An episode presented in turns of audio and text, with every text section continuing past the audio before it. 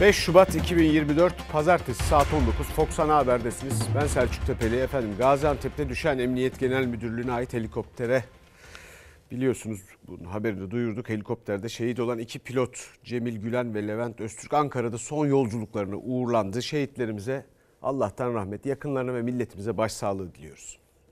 Haklarınızı helal ediniz. Helal olsun.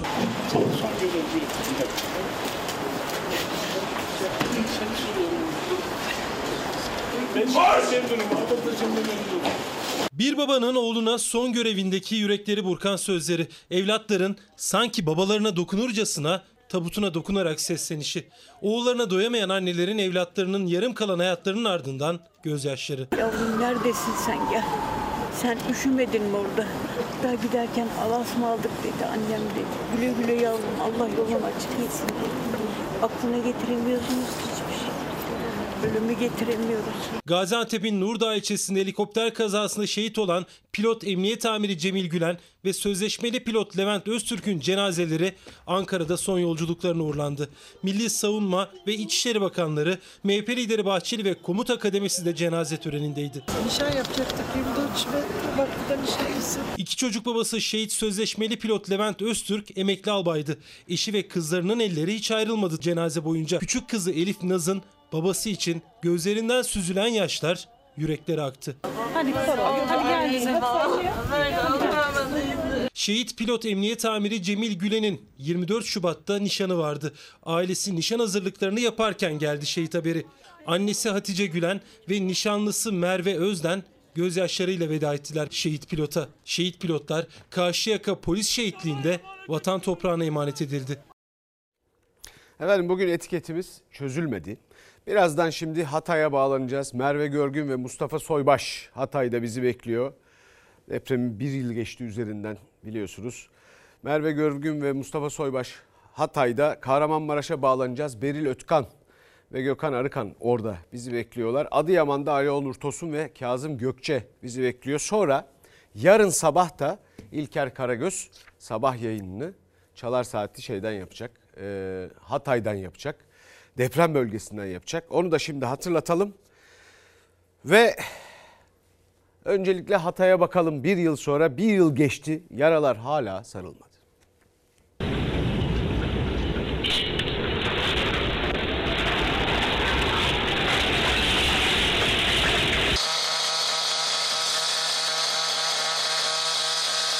merkezi yönetimle yerel yönetim el ele vermezse dayanışma halinde olmazsa o şehre herhangi bir şey gelmez. Hatay'a geldi mi? Bak şu anda Hatay garip kaldı. Biz zaten e, son bir yıldır e, gerçekten de yalnız olduğumuzu biliyorduk ama e, bunu itiraf edileceğini düşünmüyorduk. Biz zaten yaralıyız ki birçok şeyimizi, ailemiz dışında birçok şeyimizi kaybettik. Bize top top kefen geldi, tırlar dolusu bir tanesini saramadık. Biz itildik, biz unutulduk. İşte Cumhurbaşkanı Erdoğan'ın Hatay garip kaldığı itirafının fotoğrafı. Depremin üzerinden bir yıl geçti. Hataylıların gözyaşları dinmedi. Sadece yitirdiklerine değil bir yıldır unutulmuş olmalarına dağılıyorlar. Bu mu? Bunu mu hak ettik? Ha, Cumhurbaşkanlığı seçimine verdik. Bunu mu hak ettik? Bu muydu yapacakları bize? Yani ölenler bizden daha şanslı.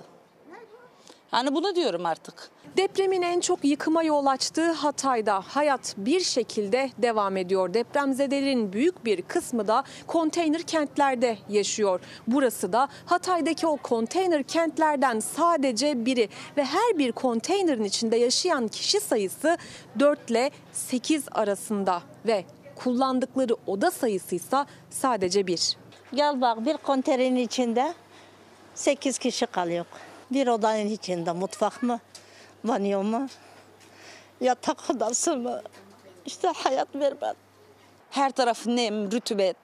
Yani yaşayabiliyorsan yaşa diyor. Aylarca çadırda kaldı Hataylılar. Konteyner kente yerleşenler umutluydu ama şartları değişmedi.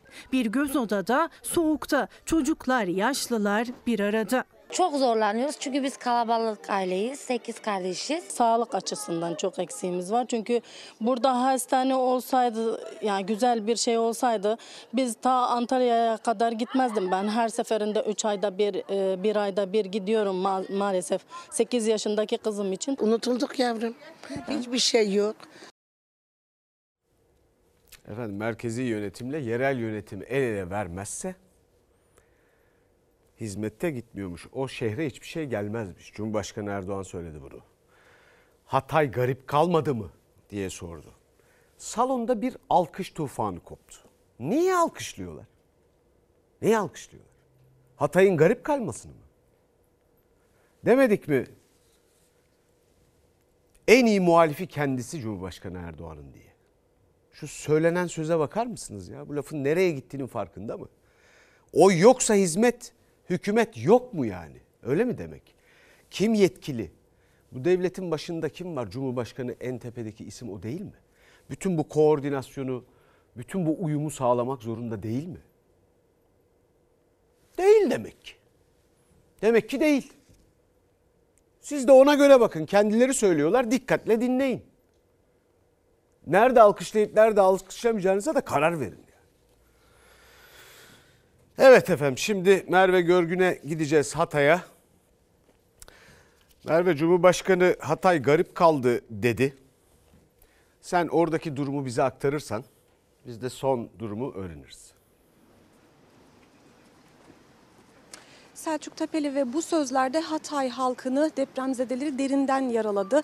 Hatay yasta, Hatay bir yıldır aslında sesini duyurmaya çalışıyor depremin ilk günlerinde olduğu gibi. O depremin ardından geçen ilk günlerde yardım beklediler, yardım çığlıkları attılar ama seslerini duyan olmadı uzunca bir süre. Ardından depremin yaralarını sarmaya çalışırken yine yardıma ihtiyaçları vardı, desteğe ihtiyaçları vardı ve o seslerini de duyurmaya çalıştılar ama e, o sesleri de duyulmadı. Bugün depremin üzerinden bir yıl geçti. Hataylılar, Hatay ve tüm Türkiye yasta. Şu anda bir saygı duruşu yapılıyor. Az önce de de e, yüzlerce kişi aslında buradaki kalabalık e, kilometrelerce öteden sessizce bir yürüyüş gerçekleştirdi. Bu noktaya Uğur Mumcu Meydanı'na kadar e, seslerini duyurabilmek için yaptılar bu sessiz yürüyüşü. Çıt çıkmadı yürüyüşte sessizce bir aslında anmaydı. Sessizce seslerini duyurmaya çalıştılar. Sessizce çığlık attılar. Şimdi az önce haberimizi izlediniz aslında o haberde de çok fazla konuştuğumuz kişi vardı ama çoğunu yayınlayamadık. Neden? Çünkü biz mikrofonumuzu uzattık, röportaj yaptık kendileriyle, dertlerini anlattılar. E, nelerin eksik olduğunu, nelerin hala olmadığını anlattılar. Ama röportaj yaptıktan sonraki endişeleri şuydu. Bu yayınlandıktan sonra benim başıma bir şey gelir endişesi. Yani kiminin çoluğu çocuğu var, e, çocuğunun geleceğini düşünerek yayınlanmasını istemedi ya da ilk andan itibaren mikrofonumuzda konuşmak istemediler. E, kiminin eşi, kendisi devlet memuru, devlet memurluğundan olurum diye konuşmak istemedi ya da yayınlanmasını istemedi. Kimi devletten yardım alıyordu, o yardım kesilir diye konuşmak istemedi. Bu şekilde kimi de e, konteynerde kaldığı konteynerden çıkarılırım endişesiyle konuşmak istemedi e, aslında sessizlik çığ gibi büyüyor. Hatay'da da şu anda o sessizlik aslında belirsizliğin içinde o kaldırılan moloz yığınlarının arasında gün geçirirken, günlük hayatlarını yaşarken o belirsizlik içinde ne olacağını bilmeden sessiz sedasız gidiyor ve görülen o ki deprem bölgesi göz göre göre unutuluyor. Evet teşekkür ederiz. Kolay gelsin. Allah herkese yardımcı olsun. Efendim uzun bir sabırdan sonra söylenecek, gelecek sözü söyletmeyin. İktidara sesleniyorum. Söyletmeyin.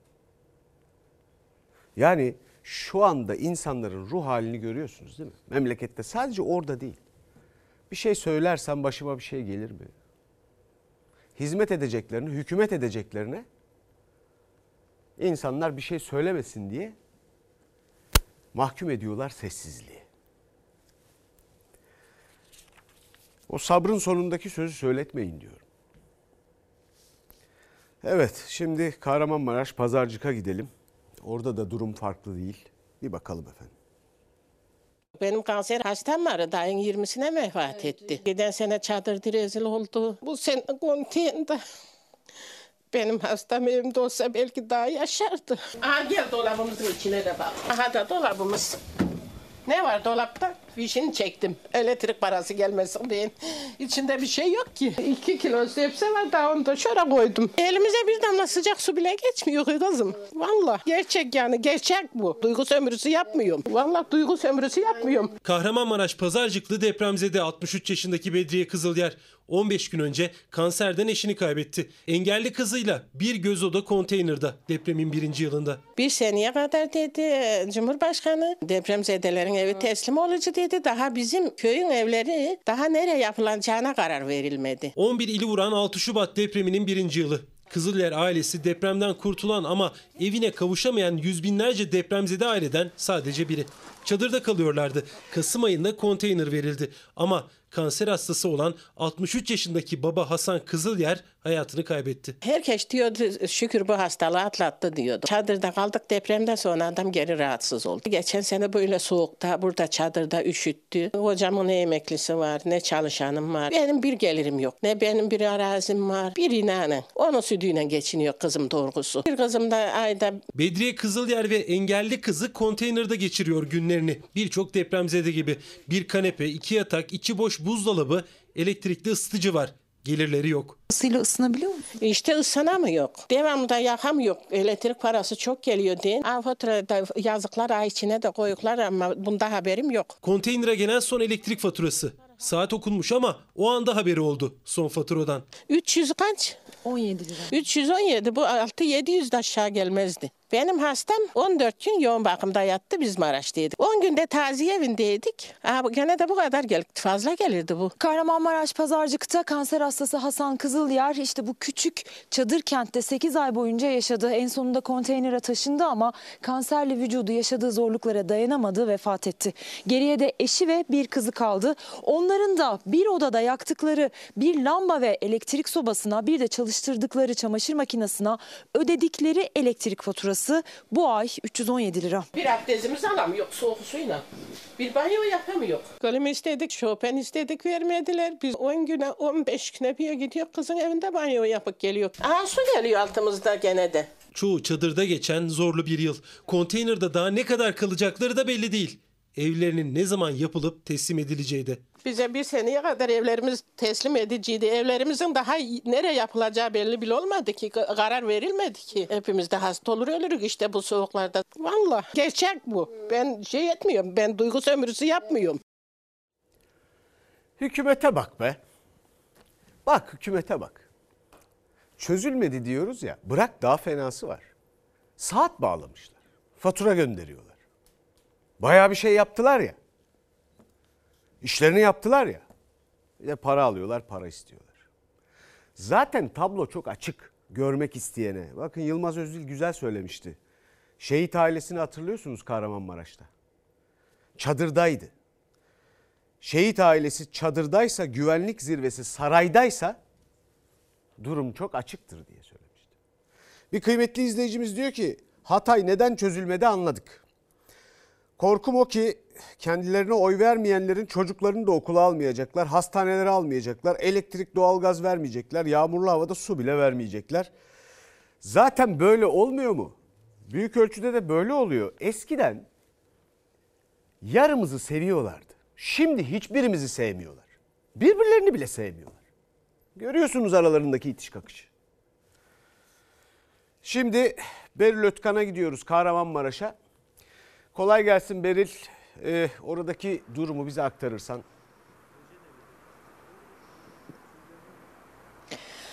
Evet, e, teşekkürler. Bir yıl önceye gittik. Biz arkamızdaki bu manzarayı görünce kameraman arkadaşım Gökhan'la birlikte açıkçası tüylerim de biraz diken diken oldu.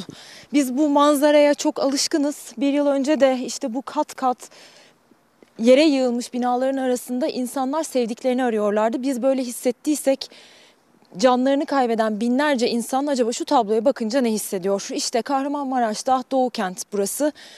Burası tabii ki depremden kalan böyle bu halde kalmadı. Ağır hasarlı bir binaydı. Dün e, öğleden sonra yıkmışlar. Evet daha ağır hasarlı bir bina yeni yıkılmış manzara bu. Hemen şuraya da göstermek isterim.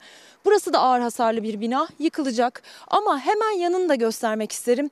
Arkadaşım Gökhan'dan rica edeceğim. İşte o da orta hasarlı bir binaydı. Burada burası bu arada aynı site. Aynı sitenin içinde yürüyoruz. Yani aynı müteahhitin elinden çıkan ağır hasarlı binalar, yıkılan binalar bir tarafta da orta hasarlı olup tadilata girdikten sonra olan bir bina ve orada insanlar yaşıyorlar. Yani şu anda ağır hasarlı binaların yıkılma tehlikesine rağmen daha yeni bununla ilgili can kaybı da yaşanmasına rağmen burada bu ağır hasarlı binaların altından biz gördük insanlar, çocuklar geliyorlar, geçiyorlar, arabalar burada duruyorlar. İşte Kahramanmaraş'ta ağır hasarlı binaların çoğu yeni yeni yıkılmaya başlamış. Burada enkazlar daha yeni yeni kaldırılmaya başlanmış. Kahramanmaraşlıların da en büyük şikayetlerinden biri bu kadar yavaş mı ilerlemeliydi? Bir yıl geçti. Ve bu ağır hasarlı binaların etrafında neden hala hiçbir önlem alınmadı? Biz buraya geldikten sonra aklımızda çok büyük soru işaretleri oluştu.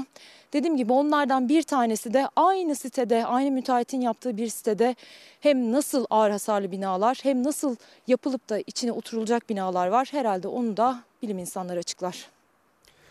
Teşekkürler. Kolay gelsin. Şimdi öyle sözler duyuyoruz ki burada yaşanan acıyı özetleyen hepimiz öldük bazımız gömüldük diyordu biri. Bu aslında bütün ülke için geçerli. Başka şehirlerde yaşayan, depremi hissetmeyenler için bile, fiziken hissetmeyenler için bile. Tabii onun o büyük felaketin şokuyla insanlar durumu tam olarak anlayamadılar ama geçen zamanda acılar daha net hissedilip daha da derinleşiyor. Bunun siyasi etkilerini göreceğiz diye düşünüyorum. 17 Ağustos depreminin etkileri 3 yıl sonra görülmüştü. Hatırlayın. Ama hükümetin böyle şeylerle ilgisi yok. Onlar başka küçük siyasi hesaplar peşindeler. Şimdi Adıyaman'a gidelim. Bir yıl geçti orada da hala yaralar sarılmadı.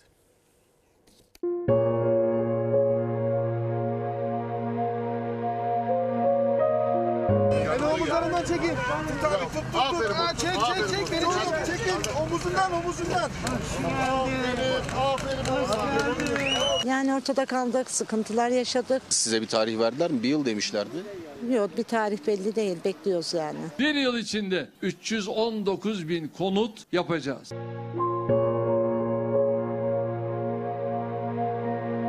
Yıl sonuna kadar 200 bin evi teslim etmiş olacağız. Cumhurbaşkanı Erdoğan'ın 6 Şubat depreminden sonra bir yılda 319 bin konut yapacağı sözlerinin üstünden neredeyse bir yıl geçti. Deprem bölgesinde tamamlanan, teslim edileceği açıklanan konut sayısı henüz 46 bin. Yani hedef 2024'ün sonuna kadar 200 bin ev teslimi. Diğer deprem illerinde olduğu gibi Adıyaman'da da bekleyiş sürüyor. Adıyaman özelinde 6 Şubat depremleri sonrasında toplamda 79.411 bağımsız bölüm hasar almış veya yıkılmıştır. Adıyaman İnşaat Mühendisleri Odası son raporunu açıkladı.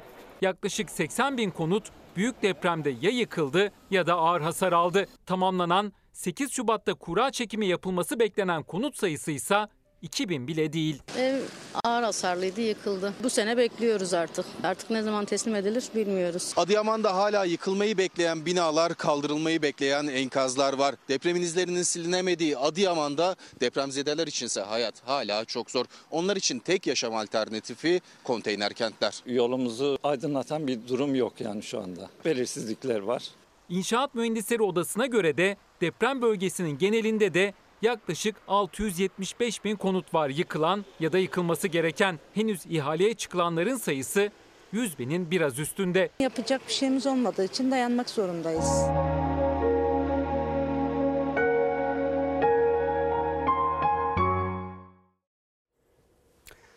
Efendim bunlar yüzde onu biraz aşıyor. Yüzde on falan verilen sözün tutulma oranı. orada da aksaklıklar falan çıkıyor. O detaylara girecek kadar vaktimiz yok. Bir hükümetin başlıca görevleri vardır. Devlet imkanlarını kullanan ve tarihteki en büyük yetkilerle donatılmış bir hükümetin ve onun cumhurbaşkanının. Partili cumhurbaşkanının. Onların hangisi çözüldü? Neredeyse hiçbiri çözülmedi. Enflasyona falan bakacağız. Maaş zamları şu bu ne oldu bakacağız birazdan. Ama barınma, depremle ilgili meseleler, o korku aradan geçmiş 22 yıllık bir iktidar. Geçen depremin üzerinden bir yıl geçmiş. Hala bir yıl sonrasına 200 bin daha diyorlar. E onun da bir yüzde onunu yapsalar bu vaziyetle durumla ne olacak? E memleket çünkü hazır değil. James Michener'ın bir sözünden alıntıyla yola çıkmak istiyorum burada. Bakın ülkemiz beklediğimiz şeylere bile hazır değil. Bu çok kötü bir iktidar performansıdır. Birçok isim değişiyor. Gördünüz hazinenin başında şimdi şeyin e, Merkez Bankası'nın başında 5 yılda 5 kişi değişti. Olacak şey değil. Birçok başka isim de değişiyor. Sorunlar değişmiyor, derinleşiyor. O zaman değişmeyen isimlere ve yüzlere bakacaksınız. Değişmeyenlere bakacaksınız. Sorunlar o yüzden çözülmüyor demektir. O yüzden bir yere varamıyoruz demektir. Onların sayısı da çok değil. Şimdi Adıyaman'a gidelim. Ali Onur Tosun bizimle olacak. Kolay gelsin. Ee, Onur bize oradan aktaracakları nelerdir? Teşekkürler Selçuk Tepeli. Adıyaman aslında her gördüğümüz 3 binadan birinin yıkıldığı bir kent. Adıyaman'da çok fazla yıkık binadan bahsediyoruz ve yıkılan binada yaşayan insanların yaşayabilecekleri tek yer şu an için arkamda gördüğünüz konteyner kentler. E tabi geçici yaşam alanları olması gerekiyordu bu konteyner kentlerin. Girişlerinde de zaten geçici yaşam alanı yazıyor ama maalesef geçici olacak gibi görünmüyor çünkü inşaatlar hızla ilerlemiyor, kalıcı konutlar çok hızlı ilerlemiyor. Depremzedeler merakla bekliyor ne zaman evlerine kavuşacaklar, ne zaman evler yapılacak, ne zaman sıcak bir yuvaya kavuşacaklar. Bunları bekliyorlar. Konteyner kentte evet geçici yaşam alanı dedik kısmen yaşanabiliyor ama aslında çok zor konteynerlarda yaşamak. Çünkü kışın su alıyor, ısınması çok güç, soba yakmak imkansız konteyner kentlerde. Genelde klimayla ısınmaya çalışıyorlar ve bu da yaşamı oldukça zorlaştırıyor. Biz bir yıl önce buraya geldiğimizde arama kurtarma ekipleri henüz Adıyaman'a gelmemişken biz şunu duyuyorduk. Adıyaman unutuldu diyordu depremzedeler. Adıyaman'da arama kurtarma ekipleri yoktu ve bir yıl sonra bugün duyduğumuz şey yine aynı. Aslında değişen bir şey yok. Hala depremzedeler Adıyaman unutuldu diyorlar bize. Selçuk Tepeli. Teşekkür ederiz. Kolay gelsin. Efendim şimdi şu polemiğe dönelim. Oy yoksa hizmet yok itirafına İmamoğlu'ndan tepki.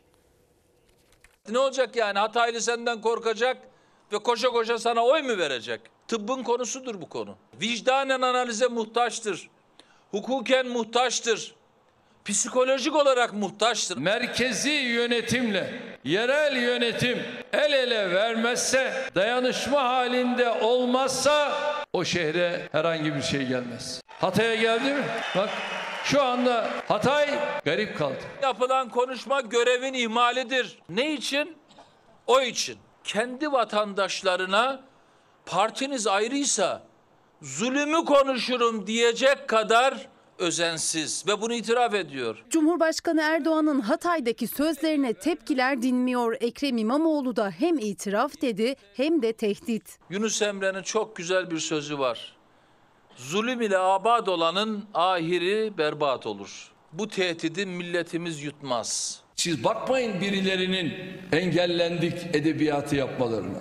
Bunların tamamı safsatadan, sorumluluktan kaçmaktan ibarettir. Korkudan tir tir titriyorlar. Milleti tehdit ederek oy gasp etmeye çalışıyorlar.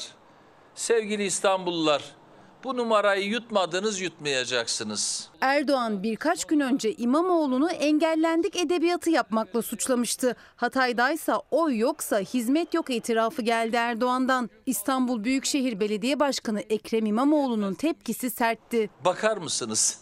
Tehdide bakar mısınız? Efendi, hükmeden milletin efendi olduğunu bunlar öğrenecek 31 Mart'ta. İmamoğlu tehdit dedi, rakibi Murat Kurumsa Erdoğan'ın sözlerini ahengi kastetti diyerek yumuşatmaya çalıştı. Ancak muhalefetin tepkisini dindirmeye yetmedi. Yerel yönetimlerin merkezi idareyle uyumlu olması şehre avantaj sağlar. Sayın Cumhurbaşkanımızın da ifade ettiği budur.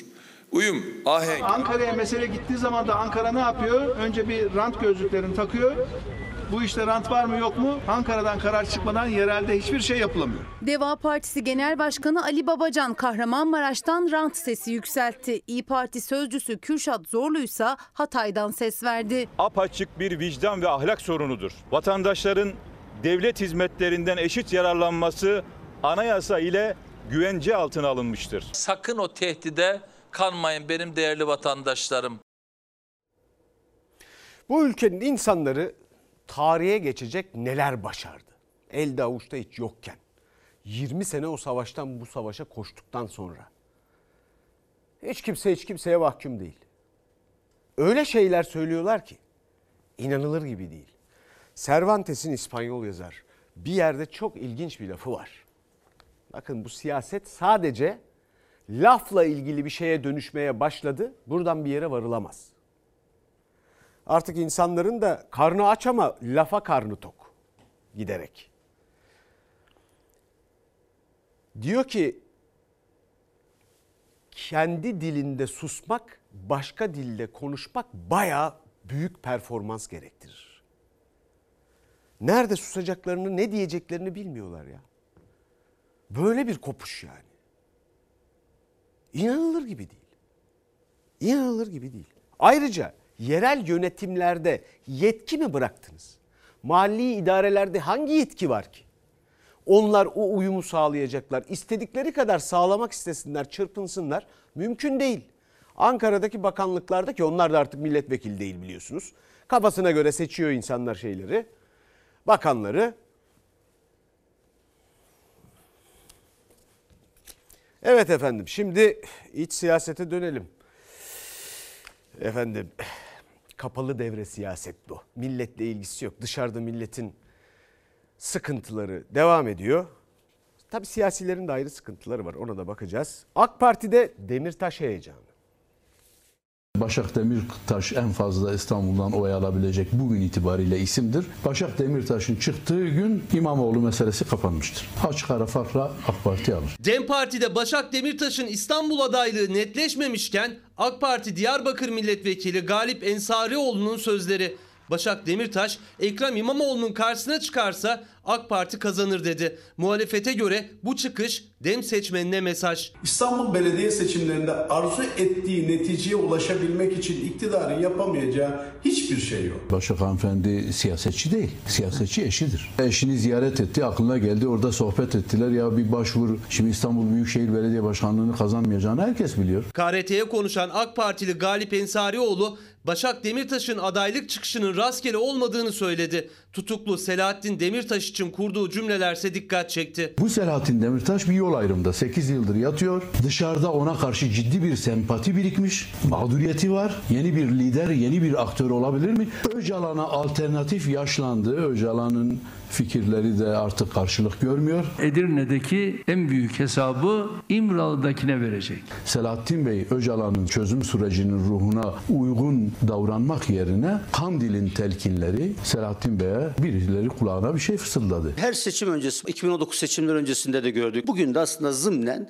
bir kısım seçmene bir Öcalan güzellemesidir gidiyor. Böyle bir Öcalan güzellemesiyle vatandaşa bir takım siyasi mesajlar veriliyor. Muhalefet her seçim öncesi İmralı'nın gündeme getirilmesine dikkat çekiyor. Ensarioğlu çözüm süreciyle ilgili iktidar elinden geleni yaptı derken verdiği örneklere muhalefet itiraf dedi. Öcalan'ın mektubundan sonra ilk şeyi silahlı güçlerin ülke dışına çıkmasıydı. Örgüt direndi. Daha sonra Sayın Cumhurbaşkanı silahlarıyla çıksın dedi. Bu risktir. Bu riski Cumhurbaşkanı aldı o zaman. Ama daha sonra bununla ilgili yasal düzenlemeler çıkardık. Siz bu süreci yürütenleri o anlamda yargılayamazsınız. Parlamentoda yasal bir zemine oturtulduğu için bir sorumluluk çoğunluk ortadan kalkmış oluyor.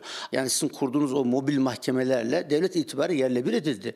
TC'ler kaldırıldı. Siyasi irade ortaya koyarken yarın hükümet iş başına gelirse size bunu hesabını sorabilirler. Yani sen niye silahınla çık dedin ülke dışına? Suç mudur? Oturur tartışır. Seçim öncesi iktidardan Öcalan ve çözüm süreci açıklamaları muhalefeti konuşturdu. Görüyorsunuz, duyuyorsunuz değil mi? Bak bak. Çözüm süreci çözüldü mü? Anlaşılıyor ki çözülmemiş. Cumhurbaşkanı süreci engellemek istememiş. Risk almış. Silahlarını bırakmasalar, öyle de gitseler. Galip Ensarioğlu söylüyor. AK Parti Diyarbakır milletvekili. Kim adına risk alıyor? Kim adına risk alıyor? Sizin adınıza alıyor.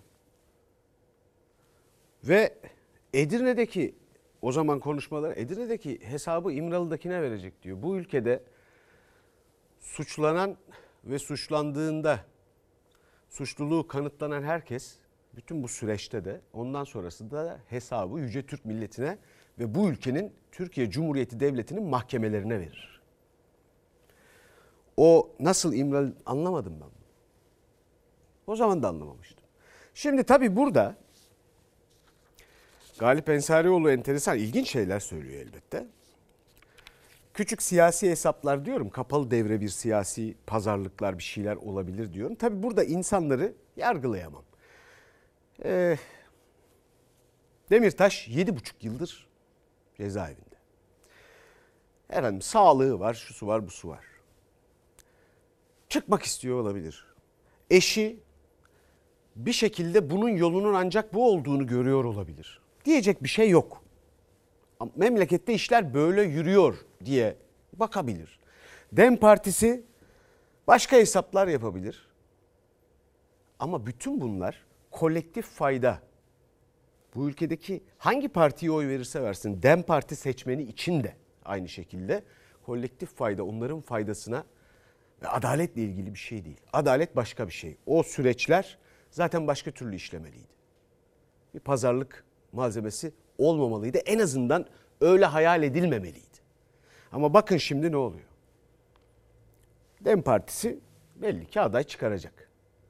Ah buna seçmen ne diyecek? Dem Partisi'nin seçmenin dahil olmak üzere ne diyecek? Diğer partilerin seçmenleri onu göreceğiz. Kapalı devre siyasi pazarlıkların neticesinin ne olacağını göreceğiz ileriki günlerde. Türkiye'de seçmenin de artık başka bakış açıları olduğunu siyaset pek fark etmiyor galiba. Ha.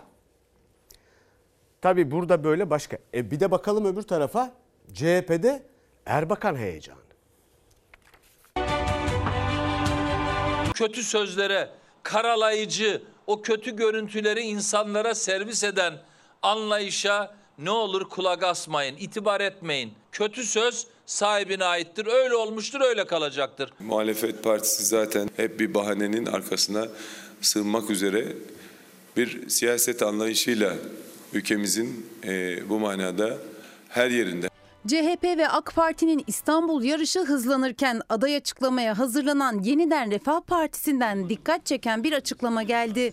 Necmettin Erbakan'ın kızı Elif Erbakan 14 Mayıs seçimi öncesi Cumhur İttifakı'na katılmaya karşı çıkmıştı. Bu kez ismi Yeniden Refah Partisi'nden İstanbul adaylığı için geçiyor. Elif Hanım olduğunda ben ciddi olarak yüzde onları bile geçebileceğimizi düşünüyorum. Evet. AK Parti'deki o eski grubun özellikle hanımların Elif hanımefendiye vereceklerine de inanan biriyim. Erbakan soyadıdır.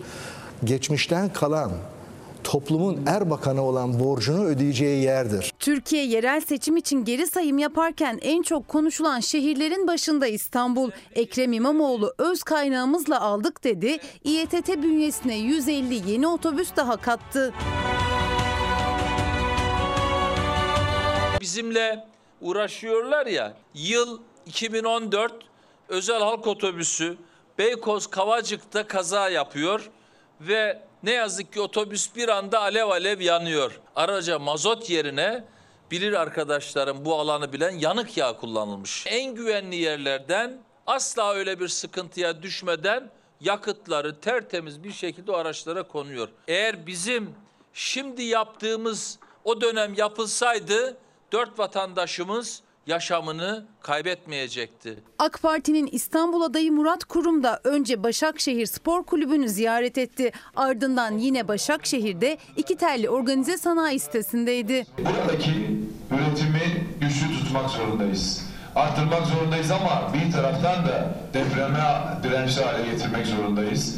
İstanbul olmazsa Türkiye olmaz. Olası Büyük İstanbul depremini gündeminden hiç düşürmeyen Murat Kurum 50 binden fazla kişinin hayatını kaybettiği 6 Şubat depreminde Çevre ve Şehircilik Bakanıydı. Malatya'da avukatlar aralarında kurumun da bulunduğu kamu görevlileri hakkında savcılığa suç duyurusunda bulundu. Savcılık soruşturmaya yer yoktur kararı verdi. Yani ihmali olup olmadığı incelenmeyecek.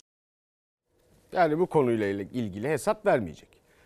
E orada kendisi itiraf etti. İmar affından kaynaklanan çöken bina sayısını yüzde altı dedi. Onun içinde 3 ila 10 bin insan can verdi onların içinde en az. Yani kaç yıl Şehircilik Bakanlığı yaptı. Şimdi depremden kurtaracağım sizi diyor. E çözülmedi yaptığınız şeylerle olmadı. 50 bin canımız gitti. 150 milyar dolar zarar var. Efendim şimdi siyaset böyle yürümemeli. Bakın biraz önceki haberde Cumhurbaşkanı Erdoğan'ın bir siyasi tasarımı en azından ben karşıda öyle hissediyorum. Yanılıyor olabilirim. Eğer Başak Demirtaş aday olursa DEM Partisi'nden şunu hesap etmiyorlar ama. İktidarının ondan sonra seçim kazanırsa bir bölümünü Selahattin Demirtaş'a borçlu olacak. Bunları hesap etmiyorlar. Sonra nereden biliyoruz? E sonraki haberde, şimdiki haberde toplumun Erbakan'a borcundan bahsedildi. Toplumun Erbakan'a borcu mu? Siyasette kimsenin kimseye böyle borcu falan olmaz. Toplumun kimseye olmaz.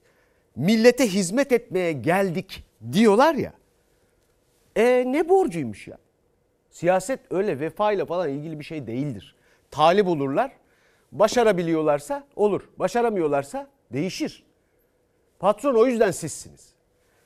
Eh şimdi yeniden Refah Partisi aday çıkaracağız diye açıkladılar. Bana da pek çok izleyicimiz soruyor. Bak çıkarıyor iddiayı kaybettin diye. Kaybetmedim. Aday kim? Seçim gününe kadar ben o iddiayı kaybetmem ben size söyleyeyim bu ülkedeki siyasette. Bir bekleyin bakalım ne olacak. Geçen seçimi hatırlayın. Çekilmişlerdi. Evet efendim. Enflasyona geldik şimdi. Enflasyon gaza bastı. %6 denildi enflasyon için. Ya ona inanıyor musun sen?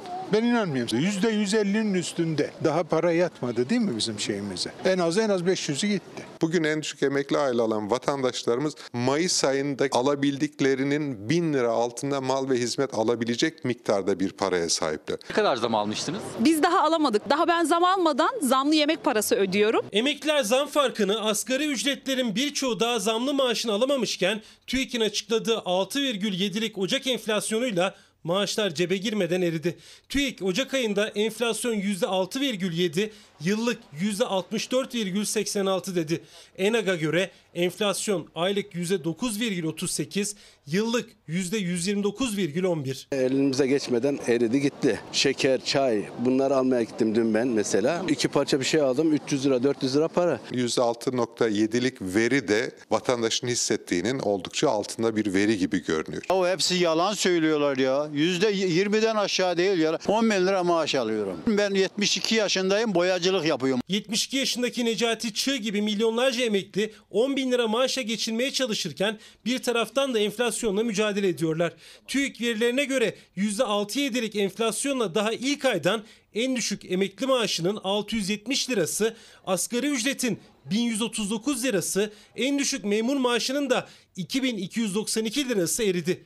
Enak ve İstanbul Ticaret Odası enflasyon verilerine göre erime daha yüksek. Nereye hepsi gitti Ulan hepsi gitti kurban olayım ya. Olur mu? Mı bir şey? Ulan ne kalacak yeğenim ya? 10 bin lira nedir ya? Ev kirası 15 bin lira la. Benim çocuklarım olmaz acımdan ölürüm la. Mayıs ayından Ocak ayı sonuna kadar gerçekleşen enflasyon oranı %52,6. Peki en düşük emekli aylığına yapılan artış ne kadar? %33,3. 8 milyona yakın emeklimiz enflasyon karşısında 20 puanlık bir yoksullaşmaya uğramıştır. CHP Genel Başkan Yardımcısı Yalçın Karatepe'nin hesabı en düşük emekli maaşının 7500 lira olarak belirlendiği 2023 Mayıs ayından bugüne enflasyon %52,6.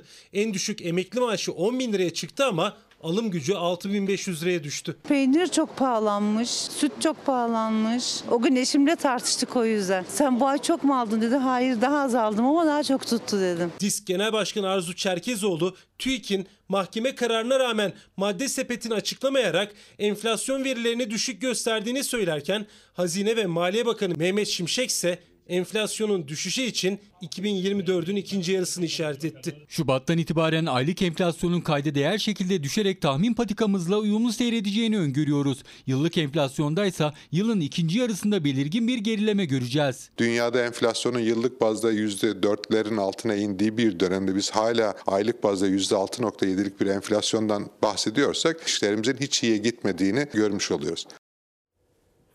Efendim şimdi son 5 yılın Ocak ayı ortalamaları %4,5 filan enflasyonda. Son 5 yılın o- Ocak ayı o enflasyon ortalamaları. Hani düşecekti? Bakın ne oldu? 6.70. Ortalamaların üstüne çıkmış. Her yıl bir yıl sonra iki yıl sonra gelecek yılın ortasından sonra şu diye bu diye kaç sene geçti ya. Ve hala Mehmet Şimşek 5 yılda 5 tane Merkez Bankası Başkanı gelmiş gitmiş. Görülmüş şey değil dünyada. Bir de yani ilkokul öğrencileri gibi sınıfta böyle itiş kakışla falan böyle böyle saçmalıklar. Mehmet Şimşek diyor ki tahmin patikamız Şubat'tan itibaren enflasyon düşerek tahmin patikamıza uyum sağlayacak. Enflasyon keçi ya. Keçi inadı var enflasyonda ya. Tahmin patikasıymış. Evet efendim. Acayip acayip laflar ya. Okullar kantin zammıyla açıldı. Besleme çantası annesi hazırladı da biliyorsunuz ekonomik durumdan dolayı çok da fazla bir şey koyamıyoruz. Vallahi en askeri şekilde nasıl yapabilirsek onları koyuyoruz işte. Ekmek alıyoruz. Peyniri var, içeceği var, suyu var, meyvesi var. Yarı yıl tatilinin ardından okullar kantin zammıyla açıldı. Simit ve ayran 3'er lira, hamburger 15 lira, su bile 1 lira zamlandı. Benim ikizlerim var. Çok pahalı.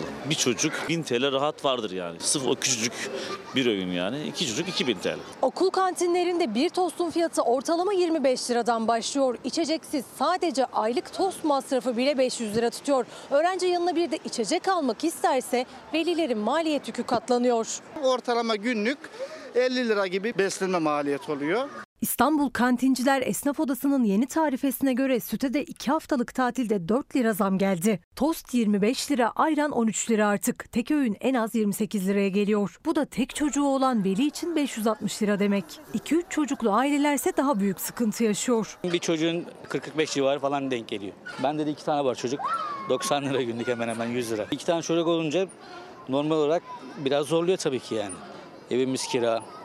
Geçim çok zor ya. Yetmiyor. Maaşlar yetmiyor. Kiralar almış başını gitmiş. Devlet okulları artık özel okullar gibi. Okul kantinlerindeki fiyatlara ailelerin bütçesi zaten yetmiyordu. Yeni dönemde daha da zorlaştı. Evde ne pişiyorsa okula da o gidiyor mecburen. Evde olan şeyleri koyuyoruz, evde yapıyoruz öyle. Sandviç tarzı şeyler veya ev yemeklerinde e, akşamdan kalma yemekler böyle bir e, yemek menümüz var. Sadece kantinler değil, ikinci dönem okul servis ücretleri de %28 zamlı. Yeni tarifeyle 1665 liradan başlıyor artık. 3896 liraya kadar çıkıyor. Veliler hem servis hem de beslenme çantası maliyetinin altından kalkmakta zorlanıyor. Fiyatlara yetişemiyoruz açıkçası. Her gün markete gittiğimizde fiyatlar acaba bugün de değişti mi diye her zaman fiyat sormak zorunda kalıyoruz.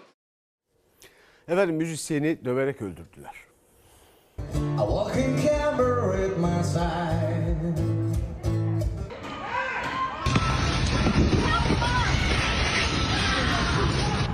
Nasıl bu duruma geldiniz ya? Nasıl böyle bir insanlık dışı bir şey bu ya?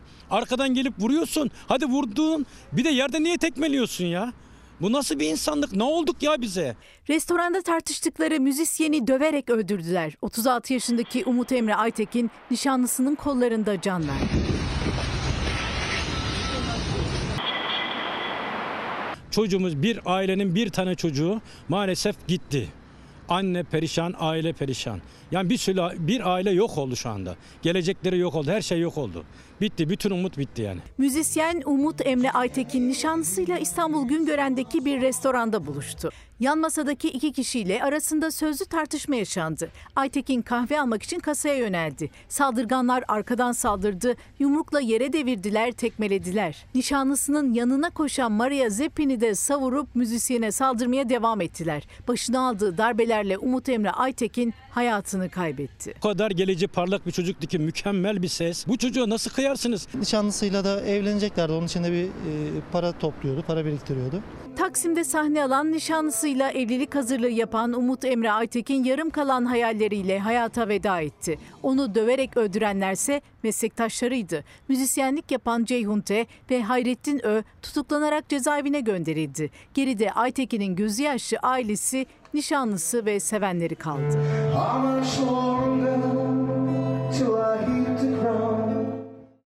Şimdi bir ara bir dakika bölümünde buradayız. Efendim bakın demedi demeyin bu tahmin patikası marka olur. Mehmet Şimşek'in söylediği siyaset biliminde iktisatta pat dependence diye bir şey var. Patika bağımlılığı. Bunlarınki o. Yoldan zaten çıkmışlar patikadan da çıkmışlar. Bunun üstünde duracağız, eğileceğiz yani. Bakacağız buna. Bizden sonra Kızıl Goncalar var yeni bölümüyle. İyi seyirler efendim. Her köşesi cennetin ezilir yerler için bir başkadır